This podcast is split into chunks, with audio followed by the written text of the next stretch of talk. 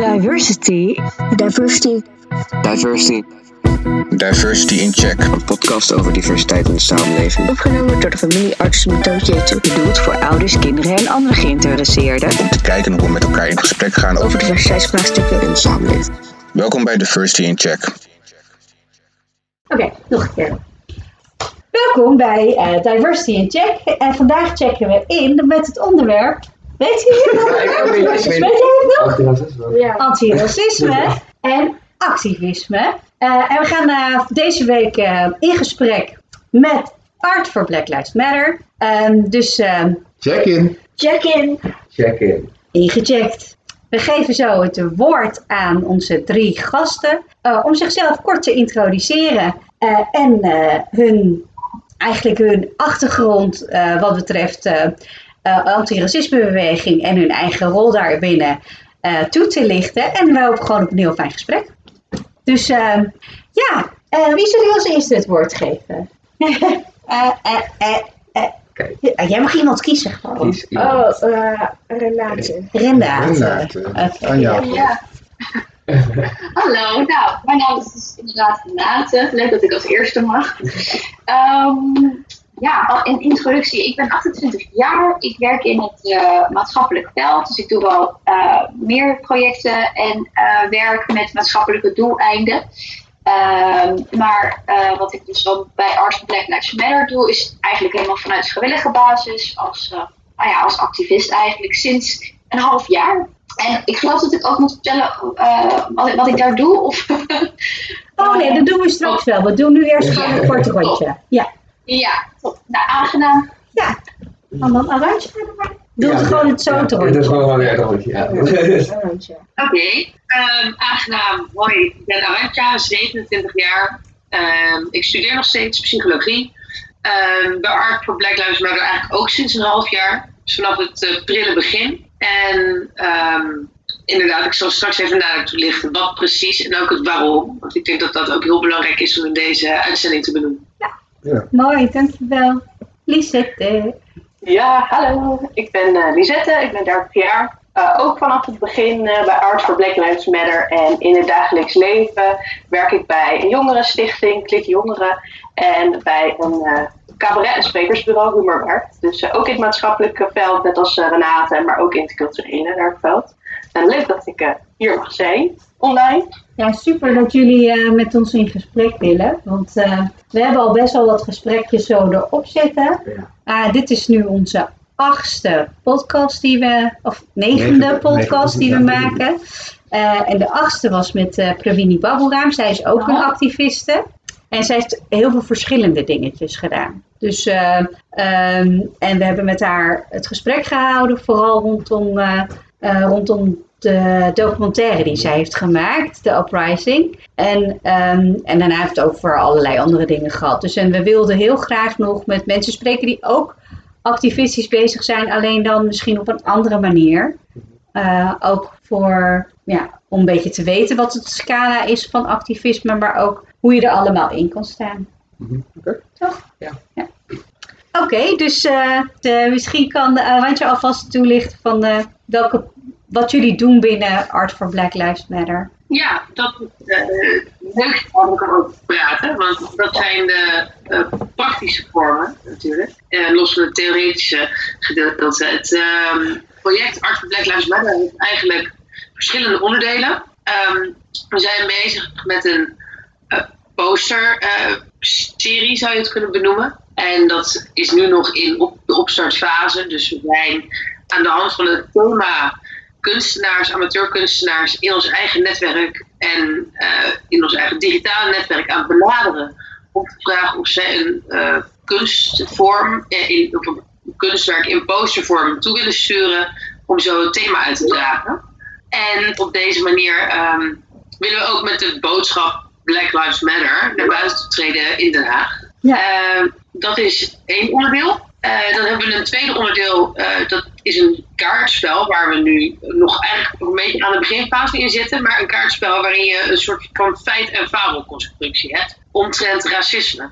Veel mensen eh, kunnen direct racisme vaak wel aanwijzen, maar indirecte vormen ehm, institutionele vormen en de geschiedenis achter waarom iets racistisch is of niet, dat weet niet iedereen. En in discussies of in bepaalde gesprekken is het ook wel heel lastig om dus even snel te checken hoe dat nou zit. En een kaartspel is een hele mooie tool om dit soort gesprekken, die bijvoorbeeld op Sinterklaasavond ineens kop opsteken, ehm, op die manier eh, aan te kaarten. Haha. En, sorry. en als derde vorm, eh, of, of derde uiting, willen wij zelf ook een podcast gaan starten. Om een beetje te proeven en eh, om onszelf te promoten. Ja, super, super. Lisette, kan jij nog even vertellen wat jouw rol is binnen Art for Black Lives Matter? En waarom je bent eh, gestart, eh, of tenminste, waarom je bent aangesloten. Ja, het, eh, het begon dus, wat we net al zeiden, een half jaar geleden. Toen had onze oude studiegenoot Lisa Verbeek een oproepje gedeeld. Van, nou, Black Lives Matter was natuurlijk heel erg in het nieuws. En ze had een berichtje gedeeld van, ik wil er heel graag iets mee doen. Maar ik ben niet iemand die buiten gaat staan demonstreren. Eh, kunnen we dat niet op een andere manier doen? En dat sprak me heel erg aan. want Ik ben ook niet per se iemand die, eh, die naar buiten gaat met spandoeken en, eh, en dat soort dingen. Maar ik vind het wel een heel erg belangrijk onderwerp om, om ja, mijn stem in te laten horen. Dus daarom dacht ik, nou, hier moet ik aan meedoen. En ehm, omdat we dus kunst als, als middel gebruiken om, om onze stem te laten horen, sprak het me ook heel erg aan.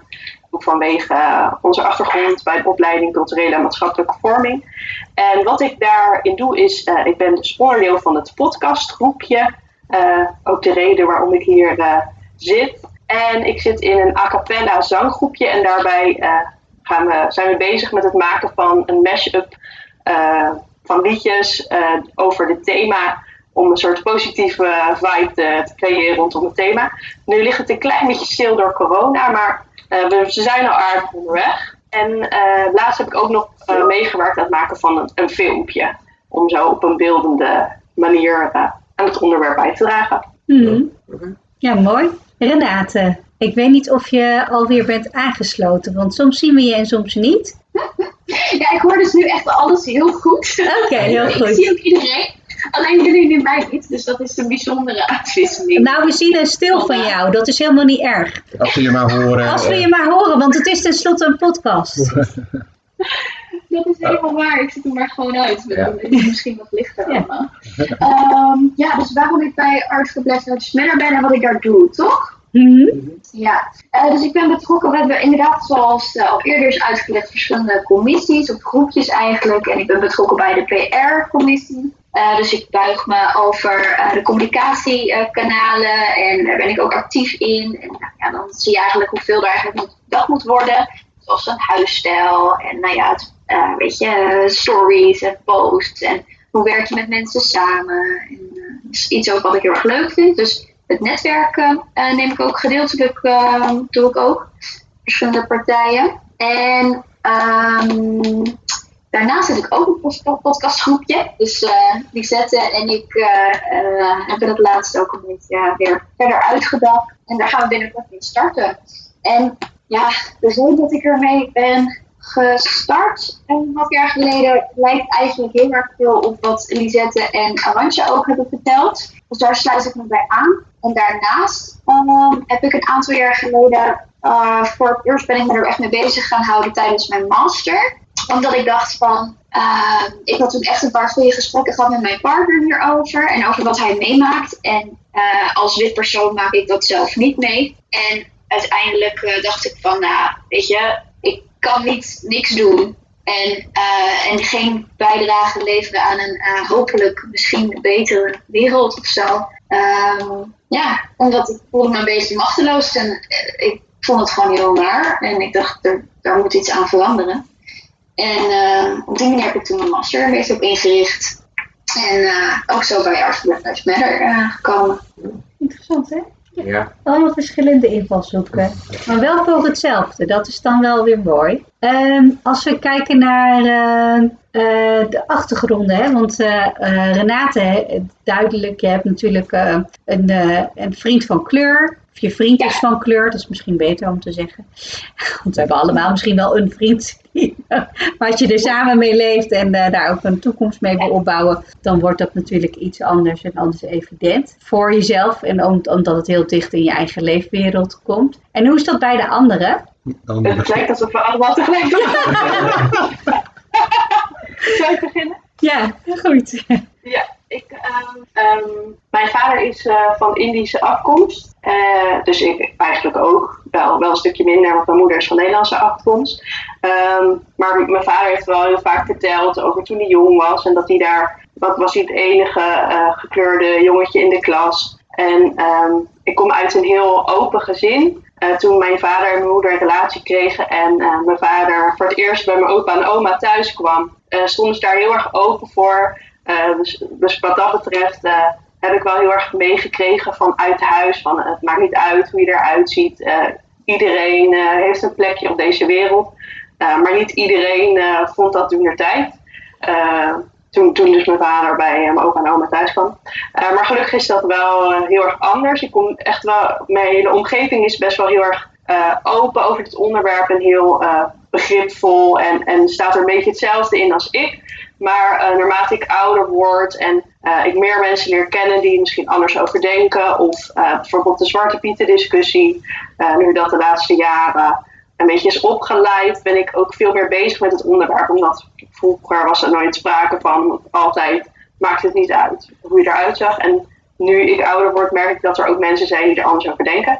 Dus daarom vind ik het heel belangrijk om, om mijn stem te laten horen. Dus dat, zo is het een beetje in mijn omgeving. Dankjewel, Lisette. En Aratja, voor jou? Hmm, nou, wat dames benoemden net, eh, dat zij niet het type zijn dat met een op de straat op gaat. Niet echt, dat, dat, dat ben ik wel.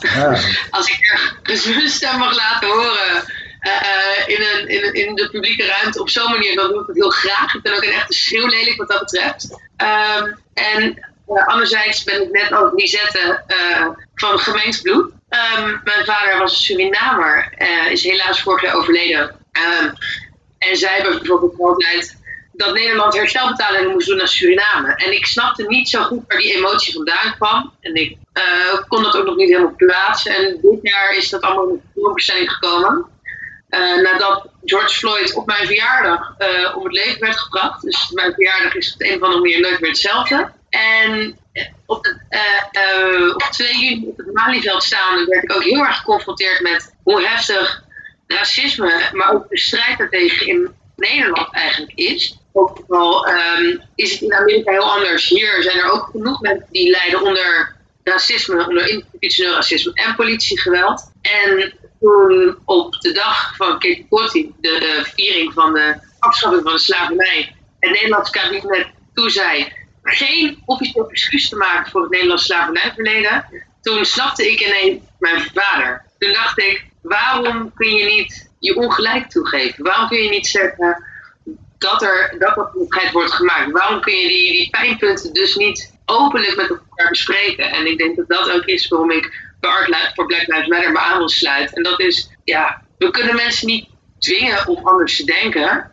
Maar ik vind het wel fijn om ze te pushen tot een open dialoog. En in ieder geval proberen na te denken over jezelf. En dan hoef je niet van jezelf te zeggen dat je racist bent. Maar erken alsjeblieft in wat voor systeem we leven. En dat je er ook niks aan kan doen. Dat je deel uitmaakt van dat systeem. Maar als je het in ieder geval ziet, dan zijn we al heel wat stappen verder. Ja. Dus, Helder, mooi, eh, mooi toegelicht ook. Vanuit eh, en het persoonlijke, maar ook vanuit het systemische van wat je dan ineens wel kan zien. Ik zeg altijd, het is een soort van ehm, combinatie tussen ehm, Alice in Wonderland en eh, The Matrix. Weet je wel, take the blue pill, the red pill en dan go down the rabbit hole en dan oh, wil je het dan nog zien of niet, zeg maar dat. Ja, precies. Ik inderdaad vermerkt dit jaar dat ik dacht van ik kan het ook niet meer niet zien. En het meisje, eh, Lisa Verbeek, die ons eh, bijeenriep eigenlijk voor dit project, die is ook onwijs aan het lezen geslagen. En die zegt ook steeds vaker, ik kan het niet meer niet zien. Ik zie het in de taal, ik zie het in het systeem, het is, het is overal. Ja, ja, dat is het ook. Als je het eenmaal wel wil zien en je erin gaat verdiepen, dan kan je het ook zien. eh, omdat je ook welwillend bent om het te willen zien, zeg maar. Dat, dat merken wij ook steeds meer hè, in onze gesprekjes. En als wij over dingen praten van, nou zit hier dan iets in van eh, eh, racistische ondertoon? Of we hadden het laatst over met geschiedenis, met de geschiedenislessen. Oh ja, dat eh, ze niet alles van geschiedenis laten zien. Alleen het goede. Ja, en ook de woorden daarvoor kiezen. Hè? En eh, we zijn natuurlijk met elkaar, toen dat nog kon in, in, in coronatijd, ook nog naar een tentoonstelling geweest. eh, van eh, ons Suriname in, in Amsterdam. En, en wat hebben wij meegenomen van die tentoonstelling? Weet u dat nog? van, eh, van de echte geschiedenis. Ja, de andere Ja. geschiedenis. Ja, Zeg maar, wat er eigenlijk is, zeg maar, wat er ook is gebeurd tijdens de geschiedenis. Ja, en dan eh, wat minder eh, eurocentrisch en wat meer wereldgeschiedenis. En dat, dat vonden wij allemaal heel interessant. Maar goed, de corona die sloeg behoorlijk toe. En eh, ze liggen nog hier. En wat zouden we er eigenlijk mee doen? Eh, in de klas. In de klas ophangen. Maar dat is niet meer gebeurd, want ze zijn niet naar school gegaan. Ja. Inderdaad. Ja, wat mooi dat jullie dat, eh, dat, dat jullie dat willen doen. Echt heel tof. Want wat, wat ik ook zit te bedenken is, als je het hebt over activisme, dan betekent dat eigenlijk gewoon iets doen. Gewoon kiezen wat je zei met die pil. Van, je kan ervoor kiezen om het te zien en het niet te zien. En als je het dan eenmaal ziet, dan heb je gewoon constant een keuze. En activist zijn, dat klinkt zo zwaar en zo groot, maar uiteindelijk is het gewoon informatie lezen, informatie delen en durven te spreken erover. Ja. Denk ik dan. Ja, dat is ook wat wij elke keer proberen te doen, hè? Ja. Met elkaar. In elk geval ook met elkaar te bespreken. Want wij komen allebei uit gezinnen waarbij het eigenlijk niet werd besproken. Eh, hè, eh, het is iets wat je ondergaat, eh, wat eigenlijk een intergenerationele trauma oplevert, maar waar niet over wordt gesproken. En dat maakt het natuurlijk ingewikkeld, want hoe ga je er dan zelf mee om? Krijg je tools of manieren om, eh, eh, om met dingen om te gaan? Eh, ben je er tegen gewapend? Zo moet dat? Eh, hoe kan je je openstellen als mensen zelf niet open zijn of het moeilijk vinden om nuances aan te brengen en zo. En, nou ja, wij hebben daar best wel veel gesprekken ook met elkaar over gevoerd van ja, wat willen we dan met de kinderen? Want wij zijn allebei niet zo groot gebracht. Het is wel mijn vakgebied, dus voor mijzelf is het makkelijker om het in een professionele context te bespreken dan in Ja. een privé context. Eh, dat is toch iets anders, hè? Dus eh, ja, en uiteindelijk zijn we er wel Uitgekomen. uitgekomen met dat we in elk geval wel met jullie het er wel over willen. Hoe vinden jullie dat eigenlijk? Eh, wel fijn. Wel fijn. Ja, super goed. Ja. Nee, maar het, het, het verandert ook jouw eh, manier van kijken naar de wereld natuurlijk. Hè? Ik bedoel, het is niet zozeer dat wij zeggen van nou, we hebben het erover en eh, ga maar, we laten je los. Eh, ik denk dat het ook wel in jouw denkprocessen en eh, de manier hoe, hoe je besluiten maakt eh, in de openbare ruimte, eh, over je voorkomen en hoe je je gedraagt, et cetera. Eh, waar dat vandaan komt en wat eh, de achterliggende reden daarachter is eigenlijk. Hoe raar of logisch het ook klinkt natuurlijk. Toen ik opgroeide, eh, was, werd ik, werd ik eh, voornamelijk vanuit huis meegekregen van goh, spreek niet de taal van, van, je, van je thuisland in de, in, de, in, de, in de publieke ruimte. Of ehm, als je thuis bent, spreek je gewoon Nederlands. Zonder bijbedoeling dat het gewoon slecht is of wat dan ook en dergelijke. Het was gewoon puur dat, dat je als eh, kind wordt opgebracht in een, ehm, ja, maar zeggen, een, een, voor mij dan toen een vreemde voorkomen, omdat ik dan eh, uit een ander land kom, hier met school ga beginnen. En eigenlijk jezelf eh, gelijk moet, nou, wat is het woord, Assimileren. assimileren aan de, aan de Nederlandse maatschappij. En nou ja, weet je, als kind wist je gewoon, dat is, dat is hoe, het- hoe het is. Dat, zo, zo doe je dat en dan, dan ben je daarmee klaar. Maar dan, dan zie je gewoon toch dat hier, her en der toch, dat je toch op een bepaalde manier eh, anders wordt aangekeken, anders wordt benaderd. Eh, wat je op dat eerste, eerste gezicht dus niet herkent van, hè, wat heb ik nou verkeerd gedaan? Maar dat gewoon gebaseerd is dus kennelijk op ja, uiterlijk. Eh, of opmerkingen die dan naar je hoofd wordt gegooid van, waarbij je echt moet gaan nadenken van, wat is het? Dit gaat niet over wat ik doe, maar gewoon puur op basis van hoe ik eruit zie.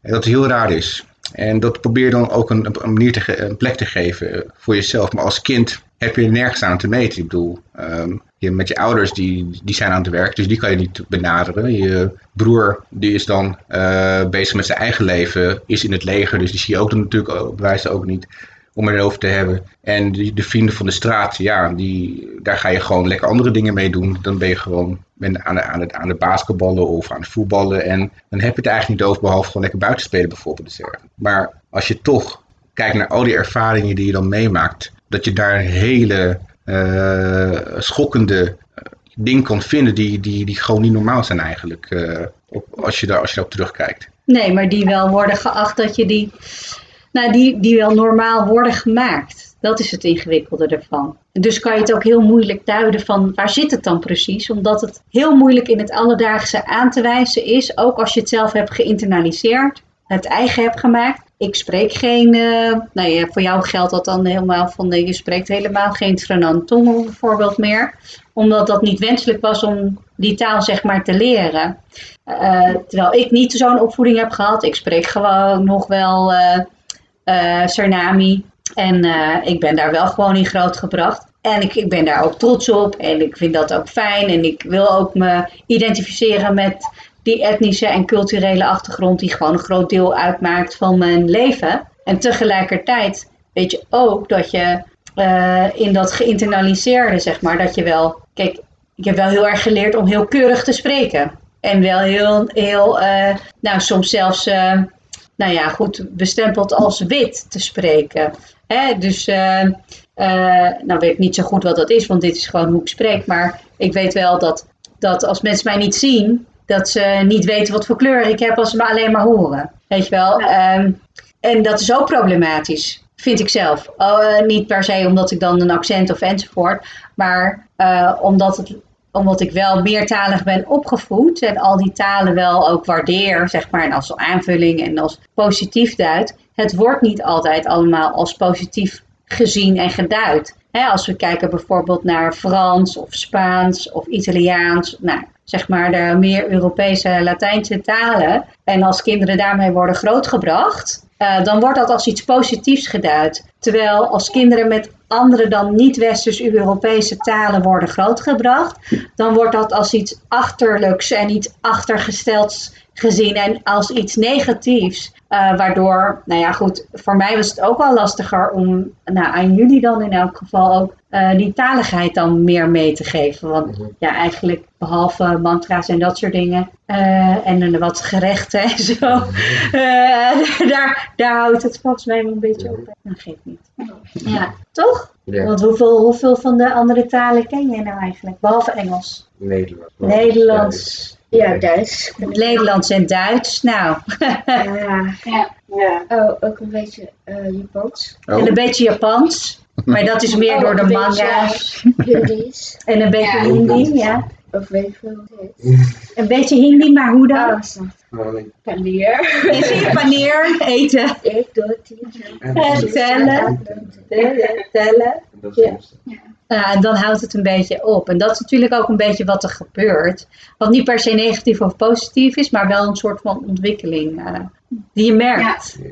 Ja, het is, als, ik, als ik het ook zo hoor, dan moet ik ook denken heel de tijd aan dit woord. En dat, dat is verstilling. Het is een soort verstilling of een stille werkelijkheid en een verstilling van die werkelijkheid. En als je het dan hebt over taal en over hoe dat dan niet meer mag zijn, of over hoe dat dan soort weggemoffeld wordt, of over hoe je het niet echt makkelijk kan bespreken met andere mensen, is echt ja, raar. En een beetje eigenlijk ook wel nou ja, wat is het goede woord ervoor? Ehm, nou ja, disturbing in het Engels is disturbing dat, dat dat natuurlijk niet besproken kan worden op alle vlakken en lagen en, eh, en, en zonde. Want je hoort ook van dat sommige talen dus uitsterven uiteindelijk voor, voor kleinere eh, eh, groepen of.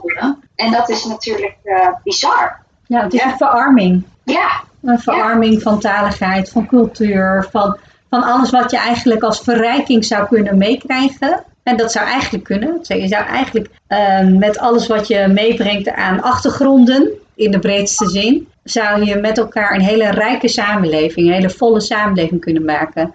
En omdat Ja. je iets dominant maakt, eh, en andere dingen dus eh, daar ehm, aan ondergeschikt maakt, eh, vervalt die verrijking helemaal. Hè? Dat is gewoon omdat het dan niet als gelijkwaardig en niet als waardevol, eh, niet als toevoeging wordt gezien. Ja. Nou, en dat vind ik zelf er heel erg lastig aan, merk ik. Nou, Ja, dat heb ik wel heel goed. Mag, mag ik inhaken op iets wat Vincent zei? Want het Tuurlijk. sprak mij aan.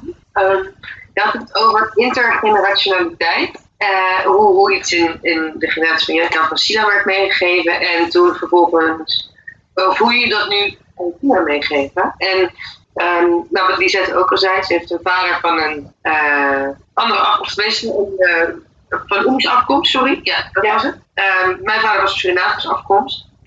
en ik weet niet hoe het voor Lisette is, maar ik ben zelf nooit, bijna nooit geweest van direct racisme of benadeeld op eh, kleur of afkomst. Maar indirect eh, heb ik wel racisme van dichtbij meegemaakt, omdat bijvoorbeeld mijn vader heel eh slachtoffer is geweest van etnisch profileren door de politie. En ik weet mijn jeugd dat ik op een gegeven moment het ging normaliseren dat iemand eh, dus met regelmaat kon worden opgepakt om niks. Ja. Of samengehouden in ieder geval. En dat, ja, dat linkt ik het even heel erg aan. Dus hoe krijg je racisme mee in je familie? Of je, je visie op racisme, sorry.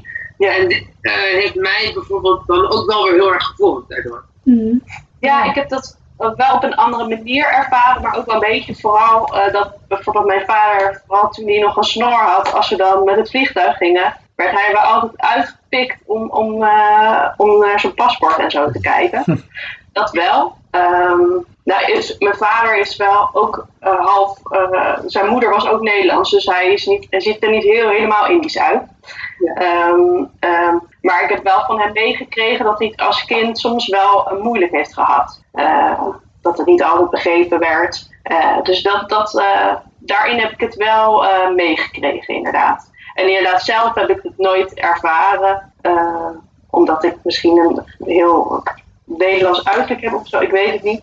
Maar eh, wel om me heen, dat wel, inderdaad. Ja, je zou natuurlijk kunnen zeggen van, van dat geldt ook misschien in mindere mate, maar ook voor Arantja, dat, dat jullie best wel white passing zijn. Ja. Dus als je er redelijk wit uitziet, dan word je niet zo snel heel snel op je uiterlijk in elk geval, eh, eh, of zit je niet in die eh bevooroordelings eh, ondergeschiktheid, zeg maar. Ja. Ja, En eh, dat is natuurlijk ook lastig. Want als je, hoe donkerder je bent, hoe lastiger het wordt om, eh, om ergens zo tussendoor te fietsen. Ehm, Ja. hè? ja, letterlijk Ja. soms. Absoluut. Ik, maar ik wil er ook graag op inhaken, want waar ik dan gelijk aan moest denken is, eh, ik, in, in die master had ik een spel gemaakt voor tieners om te leren over inclusie eigenlijk en, en discriminatie. En ze hadden dan een formulier, net zoals Dungeons and Dragons eigenlijk. Maar goed, dat is een ander verhaal. Eerst een character, eh, dat je je character maakt, zeg Ja. maar. En eh, dat je dan je dobbelsteen moet rollen. Om dus, eh nee, je kon van alles rollen. Je kon je, je religie kon je rollen. Je kon dan ook atheïstisch zijn. Maar ook kleurrollen. Dus een soort kleurspectrum. En dan 1, 2, 3, 4, 5, 6. En dat was dus ook het punt van, goh, besef je dat welke kleur je gooit, dat je dan, dus we hebben ook een filmpje daarover, dat eh, hoe donkerder je van kleur bent, hoe moeilijker je moeilijkheidsgraad staat van het leven. Als het alsof het een soort spel is. Um, ja, dat is, dat is natuurlijk een, een, vreemde uitdrukking, maar, maar, misschien ook wel weer treffend, omdat het, het heeft gewoon invloed. En dat kun je niet ontkennen. En dat is heel sneu en heel bizar. Maar het is gewoon echt zo. En als je dat, ja, nou ja, dat is. En ik denk dat je daar omheen kan gaan. Terwijl heel veel mensen snappen dat nog niet, hè? Dat ze echt denken van, nee joh, niet zo moeilijk doen. Waar heb je het over? Ik zie dat niet. Maar goed, dat is weer een ander verhaal. nee, maar helder. Want Ja. ik denk zeker ook als je het hebt over uh, autoriteit of zo, mensen met autoriteit. Van uh, welke positie heb je als je een persoon van kleur bent ten opzichte van autoriteit? Durf je je dan uit te spreken daartegen? Ga je sneller meewerken? Durf je nog vragen te stellen? Uh, nou, al die dingen meer. Hè. Wij hebben daar ook wel gesprekken over gehad. Van als jullie weggaan, van wat je dan kan doen. En ook met wie ga je weg en eh, hoe zien je vrienden eruit? Zitten daar witte vrienden bij? Dat is helpvol als er witte vrienden bij zitten. Eh, eh, als die er niet bij zitten, ja, is ook gewoon strategisch. Zitten die er niet Ja, bij? Wat moet je dan doen? Weet je wel? Ehm, en dat zijn natuurlijk allemaal vragen die als je ehm, witte ouders bent van witte kinderen, die je niet af hoeft te vragen. Ja, dat- ja, ik heb er kippenvel hiervan. Weet je, dat is toch raar dat er gezinnen in Nederland zijn die dit met hun kinderen moeten bespreken. Terwijl je eigenlijk gewoon normaal over straat moet het mogen kunnen. En ja, Ja, nou wat doen wij Ja. altijd als jullie weggaan en, eh, en je gaat weg met alleen maar gekleurde vrienden? Een hele lijst maken van wat je wordt aangesproken door bijvoorbeeld politie of een BOA. Ja, ik weet, ik weet, ik ga even Maar goed. Ja, heb je dat eens meegemaakt dat je het moest gebruiken? De lijst? Nee, Nou, op school. ah, maar dat is op school. Ja, Ik was ja. Ja, het- ja, dus op school een keer wel, maar niet op straat gelukkig. Niet op straat met vrienden. Maar we hebben wel bijvoorbeeld eh, met de gekleurde ouders, dus de, de ouders van kleur, die kennen wij bijna allemaal. Eh, met wie hij dan eh, omgaat. En daar hebben we ook een aparte app mee. En daar delen we ook in welke, nou, welke tips en trucs we de kinderen allemaal meegeven. En wat, wat de ander dan kan doen. Dus als er één wordt aangesproken, wat de anderen dan kunnen doen. Weet je wel, ehm, het gesprek filmen met je telefoon. Iemand anders kan een ouder bellen. eh, nou, gewoon dat soort dingen.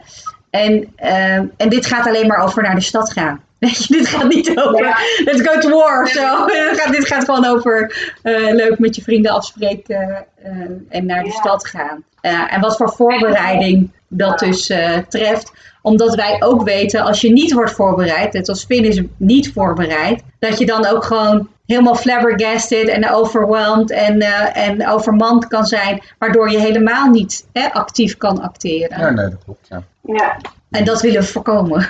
Ik bedoel, Ja. ik, bedoel we hebben, ik, ik heb in mijn leven wel eh, echt een paar vervelende dingen meegemaakt waarbij ik eh, gewoon niet voorbereid was op de, op de confrontatie. En eh, dat heeft me wel, toen ik eh, voor het eerst vader werd, wel aan, aan het denken gezet van goh, hoe wil ik deze informatie doorgeven aan mijn kinderen zonder dat het, echt, zonder dat het raar is bijvoorbeeld. En we hebben, ik en Sila hebben er wel echt over, over eh, gepraat van goh, wat is dan misschien de beste reden? Wanneer gaan we ermee beginnen? Is het misschien niet te vroeg of is het dan misschien te laat? We, hebben, we doen het ook voor de eerste keer. hè. Het is niet zozeer dat, we- dat, we, dat we daarvoor een boek hebben geschreven van... Goh, oh, dat is handig.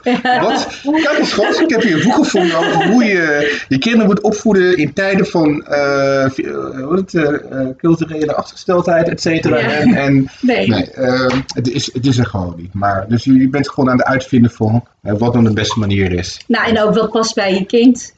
Want weet Ja. je, je kan niet, je, er zijn geen echte standaarden voor, hè, Nile, Nile bijvoorbeeld. Nou, zeg jij maar wat jij doet op een dag. Hoeveel jij buiten bent.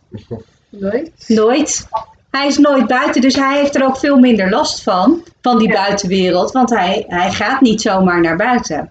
Als hij naar buiten gaat, gaat hij of met zijn broer of met ons naar buiten. Maar hij spreekt niet alleen af met zijn vrienden. Terwijl Nies, hoe vaak ben jij het liefst buiten met je vrienden? Elke dag.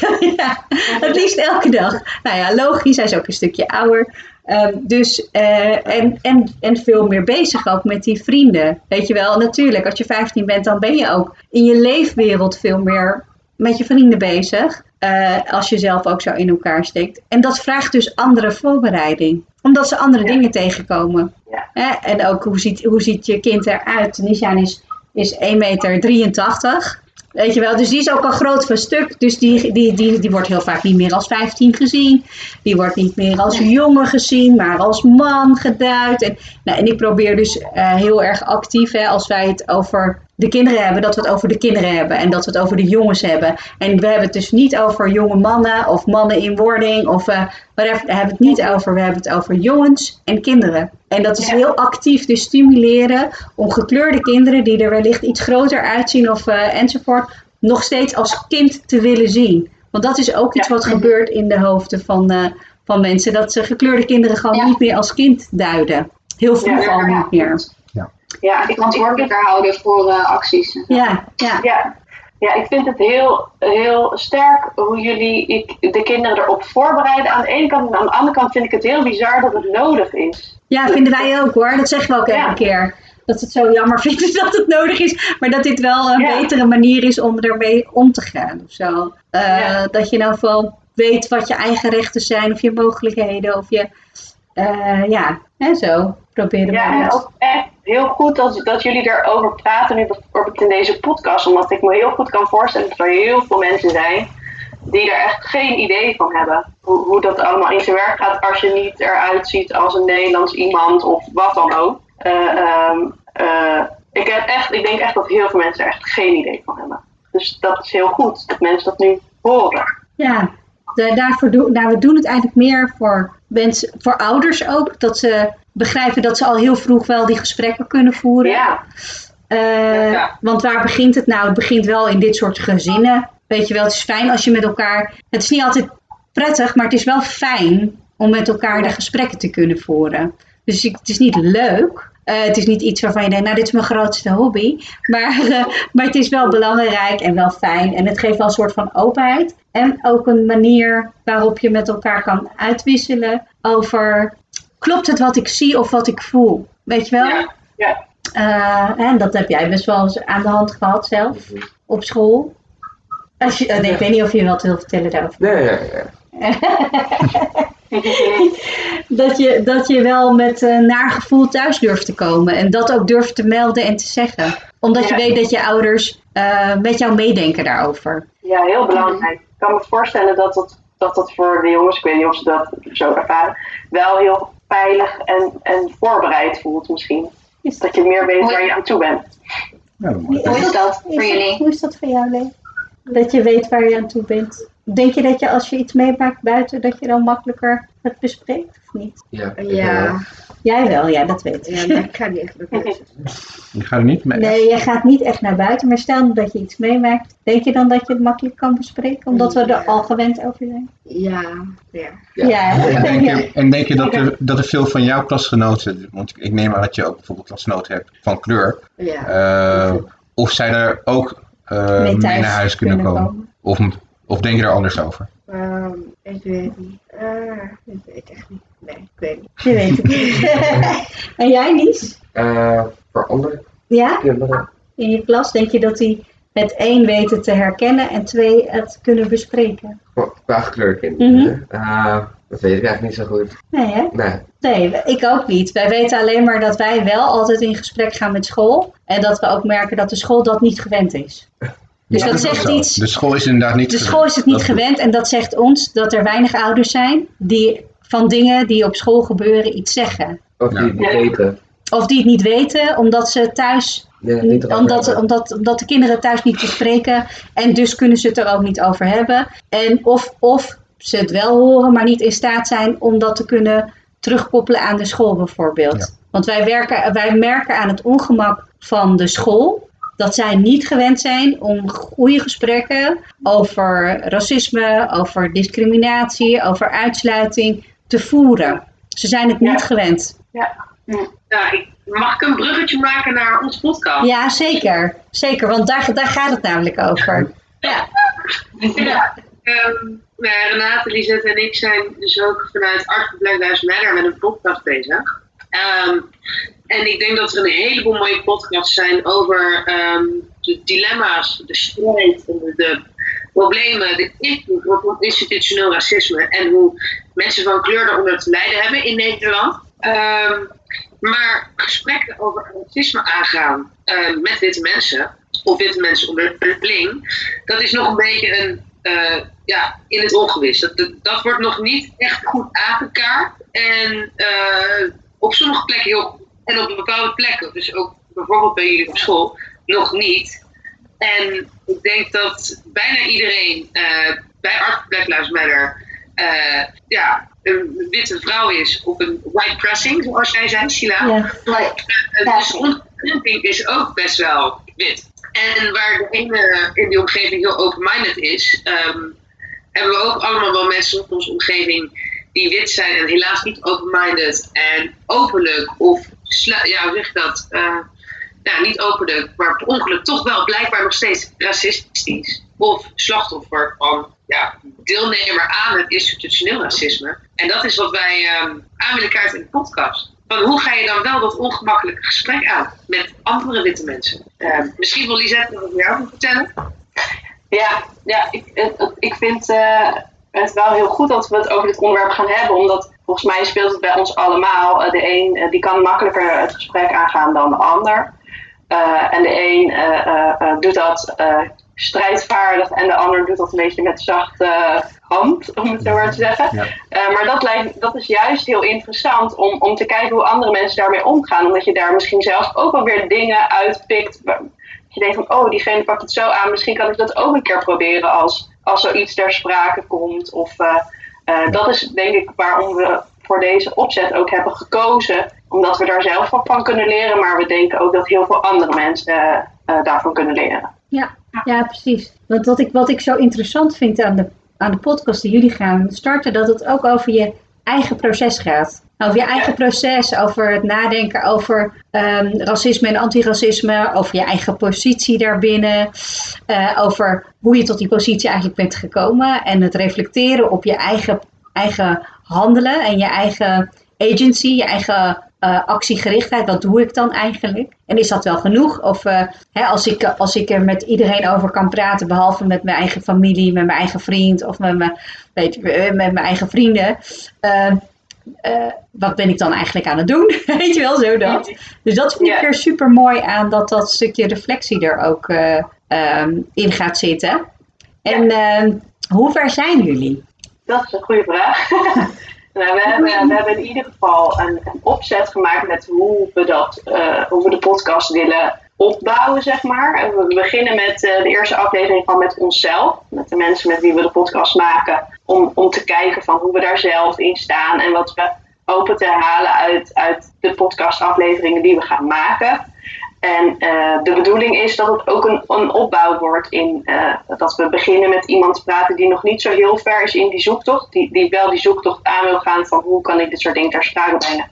Ja. Eh, maar dat aan het begin is en dan hopen we aan het einde eh, iemand te, te, te interviewen of mee te praten die daar al heel ver in is, bijvoorbeeld. Dus zo, zo zien we het tot nu toe voor ons. En Ja. hoe heet de podcast? Die heet zeg maar gewoon wit. Maar gewoon wit. Ja. Ja. Ja, En ik zal ook een kleine, kleine update geven, dat is misschien wel leuk. Eh, of als van hoe ver we zijn. Ik ga even Oh. kijken of dit werkt. Ik zit nu op kantoor. Ja. Gebeurt er iets? Ja, Ja, ja, zien jullie deze? Ik zie een doos. Nou, voor, de voor de luisteraars inderdaad een doos met, eh, met tape. Dat is van een eh, geluidswinkel. En hierin zit, eh, zit, dus, zit dus een gedeelte van de spullen. Ik heb de eerste deellevering gekregen. De Ah, volgende deellevering bevat een microfoon. Het is best wel een belangrijk onderdeel. Ehm, maar goed, dus de eerste gedeelte is er en het tweede gedeelte komt er nog aan. En als dat compleet is, dan kunnen we gaan beginnen eh, met het opnemen. En ik geloof dat we ook misschien eerder kunnen gaan opnemen op het moment dat we een adresje hebben eh, eh, geregeld daarvoor. Een ander adresje waar we eventueel ook zouden kunnen opnemen. Dus misschien dat we eerder aan de slag kunnen. Ehm, en misschien kunnen we pas aan de slag op het moment ik het tweede gedeelte binnen heb. Oké. Dus eh, we verwachten met een maandje denk ik wel eh, hopelijk de eerste aflevering te kunnen gaan lanceren. Nou, ik ben Ja. heel benieuwd in ieder geval. super, super cool. En ik denk ook van, eh, die gaan dus over een maandje lanceren. En waar kunnen we jullie horen dan? Ja.